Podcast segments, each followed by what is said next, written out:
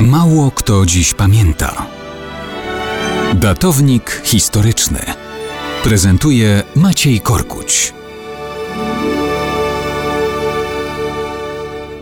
Mało kto dziś pamięta, że 10 listopada 1910 roku, a więc równe 110 lat temu, w kościele świętego Mikołaja w Krakowie odbyła się uroczystość zaślubin Feliksa i Zofii. Felix był człowiekiem zafascynowanym ideą naprawiania świata. Ślub w kościele traktował jako formalność. W Boga już dawno nie wierzył, ale wierzył w naprawianie świata według mądrości ludzkich. Zaledwie kilka lat wcześniej pisał w liście do siostry: Jak nienawidziłem zła, tak i teraz nienawidzę. Całą duszą dążę do tego, by na świecie nie było niesprawiedliwości, przestępstw, pijaństwa, rozpusty, nadmiernego przepychu, domów publicznych, w których ludzie sprzedają swe ciało lub duszę, by nie było ucisku, bratobójczych wojen, narodowej nienawiści. Chciałbym objąć swą miłością całą ludzkość, ogrzać ją i oczyścić z brudu współczesnego życia.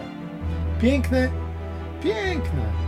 Felix nie potrzebował dekalogu czy jakichkolwiek ograniczeń, które będą mu mówić, co wolno, a czego nie wolno.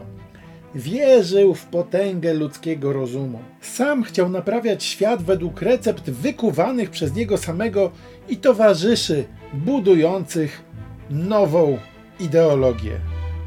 Minie ledwie 7 lat od ślubu w kościele świętego Mikołaja, kiedy Felix Dzierżyński, bo o nim mowa, rozpocznie czynną walkę ze wszystkim, co uzna za złe.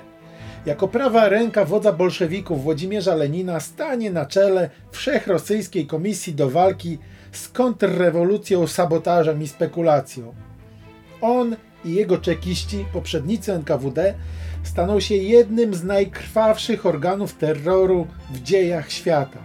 Masowe zbrodnie, wymyślne tortury, fałszywe oskarżenia, rozstrzeliwanie na zasadzie zbiorowej odpowiedzialności.